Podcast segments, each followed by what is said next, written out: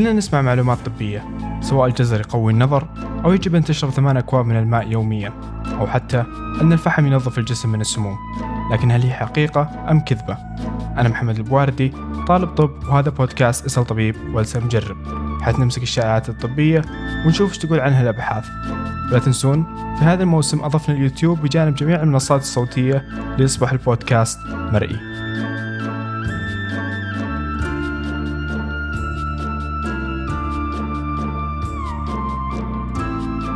هذه الحلقة بالتعاون مع محتوايز طيب محمد أنت مو طبيب.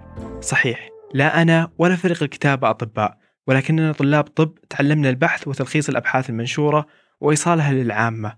فإحنا لا نفتي من عندنا لأن ليس لدينا الصلاحية لإعطاء النصائح. لكن نحن ننقل ما قالته وأثبتته الأبحاث. والطبيب المقصود في أسأل طبيب هم الباحثين ليس نحن. وين ألاقي الأبحاث اللي تكلمت عنها؟ الأبحاث كلها بتكون مرفقة في ملف في وصف الحلقة سواء على اليوتيوب أو المنصات الصوتية. محمد أنت تقول شيء وتجربتي الشخصية تقول لي شيء ثاني. ممكن كلامك صحيح مو مستحيل أبدا لكن التجربة الشخصية مو عامل يؤخذ به في الطب. فالطب الحديث أو كما يسميه البعض بالطب الغربي مبني على شيء اسمه الطب المسند بدليل أو Evidence Based Medicine. بمعنى نمشي على أدلة واضحة وتتبع خطوات علمية صحيحة وهي الأبحاث والدراسات بشكل عام. فالأبحاث تتطرق إلى وجود علاقة واضحة بين الدواء ونسبة التحسن أو الشفاء على سبيل المثال. فلا يعني أن كل من أخذ الدواء سيتحسن بل أن نسبة كبيرة وملحوظة ستتحسن.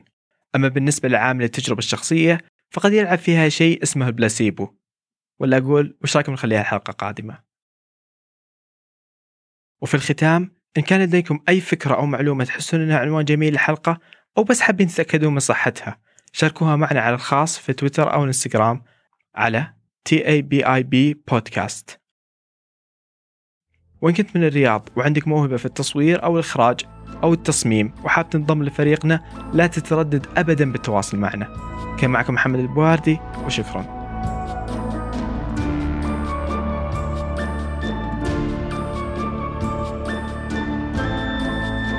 وبكذا نكون وصلنا لنهاية الحلقة. أتمنى تكونون استفدتم بمعلومة جديدة وتذكروا لا تصدقون كل من يقول لكم معلومة لين تتأكدون من مصدرها.